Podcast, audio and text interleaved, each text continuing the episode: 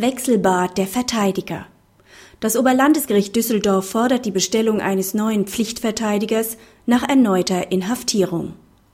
Der Angeklagte war wegen des Verdachts der schweren Brandstiftung in U-Haft genommen worden. Bei Eröffnung des Haftbefehls war er vom Ermittlungsrichter über sein Auswahlrecht hinsichtlich eines Pflichtverteidigers belehrt worden. Der Angeklagte äußerte daraufhin, dass ihm vor Ort kein Verteidiger bekannt ist und er um die Bestellung eines vom Gericht ausgewählten Verteidigers bittet, was dann auch geschah. Wenig später wurde der Angeklagte zunächst aus der U-Haft entlassen, weil kein dringender Tatverdacht mehr bestand. Nun bestellte sich ein anderer Anwalt als Wahlverteidiger. Im weiteren Verlauf wurde der Angeklagte erneut in U-Haft genommen. Die beantragte Beiordnung des Wahlverteidigers zum Pflichtverteidiger lehnte der Ermittlungsrichter ab, weil bereits ein Pflichtverteidiger beigeordnet worden sei und dieser nicht rechtsmissbräuchlich verdrängt werden dürfe.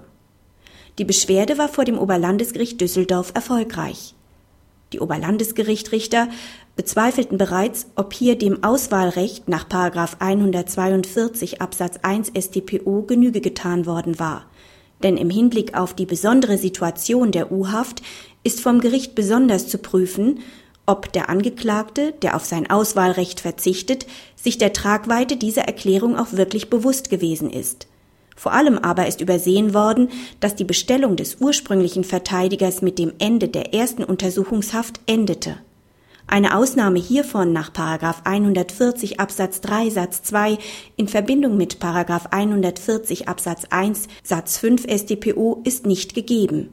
Die Bestellung des Wahlverteidigers sei daher ordnungsgemäß erfolgt, seinem späteren Beiordnungsantrag hätte stattgegeben werden müssen. Praxishinweis. Das Auswahlrecht des Angeklagten bei der Beiordnung des Pflichtverteidigers wurde bereits durch andere Entscheidungen aus jüngster Zeit gestärkt, etwa durch das Oberlandesgericht Düsseldorf.